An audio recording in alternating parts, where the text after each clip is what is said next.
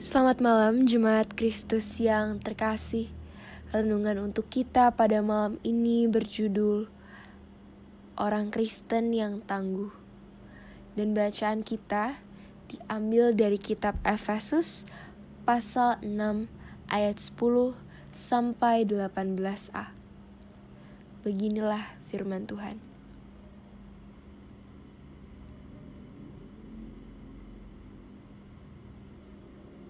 Akhirnya, hendaklah kamu kuat di dalam Tuhan, di dalam kekuatan kuasanya. Kenakanlah seluruh perlengkapan senjata Allah, supaya kamu dapat bertahan melawan tipu muslihat iblis. Karena perjuangan kita bukanlah melawan darah dan daging, tetapi melawan pemerintah-pemerintah, melawan penguasa-penguasa, melawan penghulu-penghulu dunia yang gelap ini melawan roh-roh jahat di udara. Sebab itu, ambillah seluruh perlengkapan senjata Allah, supaya kamu dapat mengadakan perlawanan pada hari yang jahat itu dan tetap berdiri sesudah kamu menyelesaikan segala sesuatu. Jadi berdirilah tegap, berikat pinggangkan kebenaran, dan berbaju zirahkan keadilan Kakimu berkasutkan kerelaan untuk memberitakan Injil damai sejahtera. Dalam segala keadaan, pergunakanlah perisai iman, sebab dengan perisai itu kamu akan dapat memadamkan semua panah api dari si jahat. Dan terimalah ketopong keselamatan dan pedang roh yaitu firman Allah dalam segala doa dan permohonan.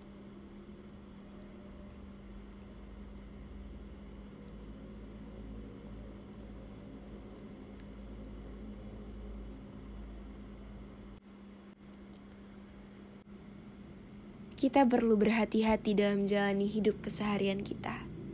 Sebab ada banyak celah yang dapat membuat kita jatuh ke dalam dosa. Celah itu memang akan terus ada karena kelemahan kita. Keterbatasan itu membuat kita tidak dapat fokus 100%. Ada kalanya kita akan kelahan dan kehilangan konsentrasi. Dan di situasi itulah sangat rawan kita jatuh dan berbuat dosa. Jadi apa yang dikatakan oleh Paulus pada jemaat di Efesus bukanlah sesuatu yang mengada-ngada.